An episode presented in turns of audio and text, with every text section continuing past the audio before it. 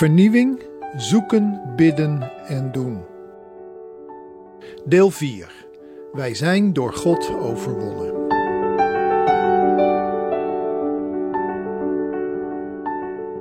In het vorige deel schreef ik over de kwetsbare opstelling van Paulus in het conflict met de gemeente in Korinthe. Hij was niet alleen maar bezig om zichzelf te verdedigen en zijn tegenstanders te bekritiseren, om zo de discussie te winnen, maar hij durfde het ook aan om zijn eigen zwakheden te laten zien. Hij deed dit omdat hij geleerd had meer op God dan zijn eigen kunnen te vertrouwen. Want juist in zijn zwakheid en kwetsbaarheid openbaarde zich Gods kracht. Ten tweede stelde hij zich kwetsbaar op om zijn liefde voor de gemeente te laten zien. Wat hij zegt komt hierop neer: Ik was er kapot van maakte me grote zorgen om jullie en kon niet meer goed functioneren. Wij hebben dit voorbeeld van Paulus zeer ter harte te nemen. Ik zie in de samenleving en ook onder christenen dat er heel slecht naar de ander met een andere mening en een andere kijk op de dingen wordt geluisterd. Men neemt positie in, verzamelt argumenten om de ander te bestrijden en het gelijk van zichzelf te bevestigen. Je kwetsbaar opstellen, zoals Paulus deed, wordt dan gezien als een teken van zwakte. Gelukkig zie ik nog wel mensen die net als Paulus zich kwetsbaar durven op te stellen, ook in de politiek. Ik heb grote waardering voor Henk Staghouwer, de vorige minister van Landbouw. Ik kan me nog herinneren dat hij door de ChristenUnie naar Den Haag was gehaald omdat hij als lid van gedeputeerde staten van Groningen had laten zien dat hij de juiste man voor deze positie was. Toen in de zomermaanden de kritiek op hem toenam, kwam hij op 5 september met deze mededeling. Ik heb mij de vraag gesteld of ik de juiste persoon ben om leiding te geven aan de opgaven die er liggen. Ik ben afgelopen weekend tot de conclusie gekomen dat ik die persoon niet ben. Met deze woorden stelde Staghouwer zich heel kwetsbaar op in een politieke strijdcultuur.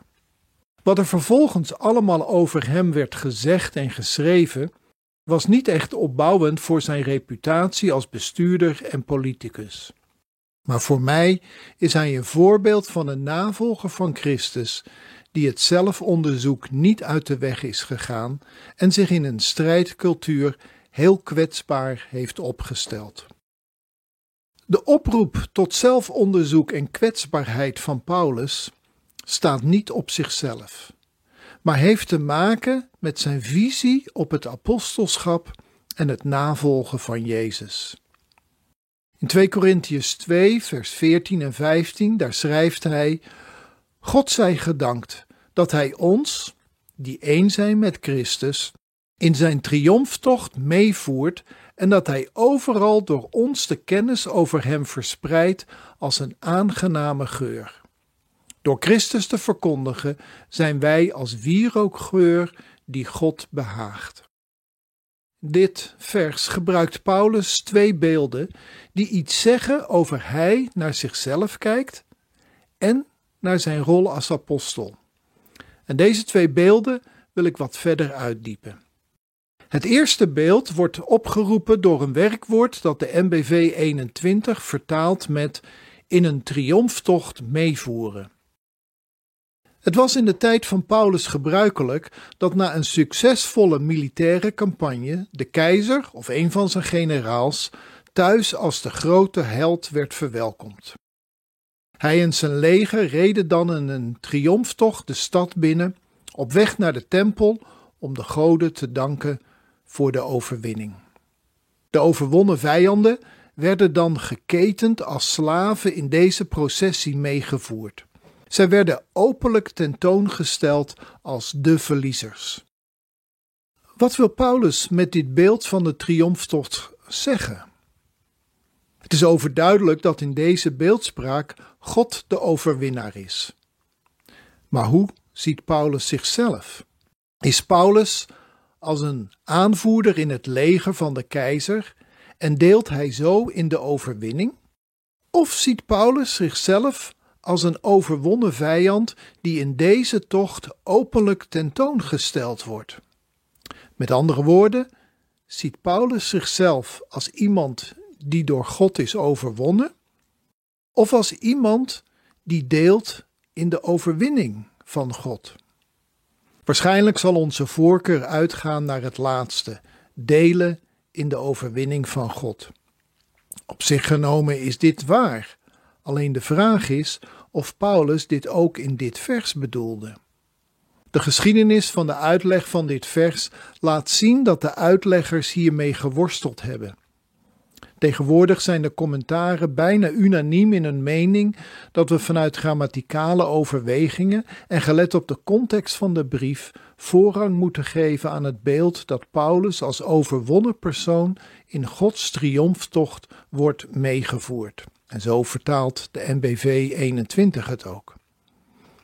Het tweede beeld is dat van een aangename geur. En we kunnen hierbij denken aan de wierook die bij die triomftochten gebruikt werd en zich onder de mensen verspreidde, en ook aan de offergeur die bij de oud-testamentische offers opsteeg naar God. Paulus drukt met dit beeld uit dat hij in dienst staat van God en dat door de verkondiging van het evangelie hij als wierookgeur is die God behaagt. Dit gaat verder dan alleen maar verkondiging. Hij zelf is als wierookgeur. Met andere woorden, door wie hij is, in woord en daad, is hij als een aangename geur. Als we nu de beide beelden die Paulus gebruikt samenvoegen, dan wordt duidelijk wat Paulus wil zeggen. Het gaat niet om mij, maar om Christus, zegt Paulus. Want ik ben door God overwonnen en heb mijn eigen leven opgegeven en sta nu in dienst van God. En wat ik doe, is niet om mezelf te profileren, maar om de kennis van God te verspreiden. Zoals het bij een geurkaars niet om de kaars gaat, maar om de geur die zich verspreidt. En dit geldt niet alleen voor hemzelf als apostel, maar voor iedereen die Jezus heeft leren kennen. Daarom schrijft hij ook over ons, die één zijn met Christus. Nu leven wij in een cultuur die gekenmerkt wordt door een ver doorgevoerd individualisme. En dit heeft ons allemaal gevormd en ons denken beïnvloed. Dergelijke woorden van Paulus over door God overwonnen zijn, vinden we dan ook lastig. En onbewust gaan we deze woorden afzwakken om ze te kunnen inpassen in ons individualistische denken. En dit is nu heel gevaarlijk, want als we niet oppassen, zijn we net als de andere leraren in Korinthe, van wie Paulus zegt dat ze een andere Jezus verkondigen. Enkele voorbeelden die ik bij mezelf en ook om me heen herken, zijn deze. Wij leven in een cultuur met vele pop, sport en filmsterren.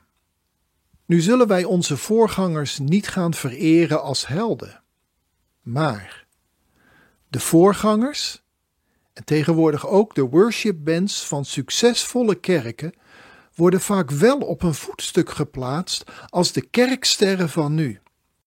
En ook in de kerk vinden we mensen op posities met aardig wat sterallures. Maar we zijn toch geroepen om de kennis over God te verspreiden en niet de kennis en de roem over onszelf? Wij zijn ook allemaal consumenten. Consumenten die waar voor hun geld willen en voor wie tijd kostbaar is. En met deze houding gaan we heel vaak naar de kerk en verwachten iets voor ons en onze ontwikkeling te ontvangen. Ik heb er niets aan gehad, of het sprak me totaal niet aan, zijn woorden die helaas regelmatig op zondagen in de kerken gehoord worden. Is dit de aangename geur die wij geacht worden te verspreiden? Ten derde, in de politiek en de economie zijn we gefascineerd door sterke leiders en daadkrachtige ondernemers die het verschil maken. En dit gaan we dan ook van onze leiders in de kerk verwachten. Of dit gaan we onszelf als leiders opleggen, want krachtig leiderschap is nodig met een goed doordacht beleid. Maar Nemen we hiermee het heft niet in eigen handen? We worden toch meegevoerd in Gods triomftocht.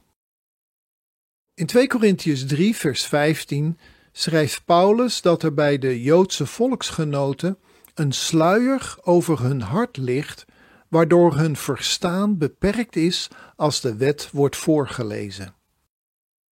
En zo denk ik dat ook wij gevormd zijn door onze individualistische cultuur en onze consumptiemaatschappij, en dat wij ook een sluier over ons hart hebben, waarvan we ons niet bewust zijn.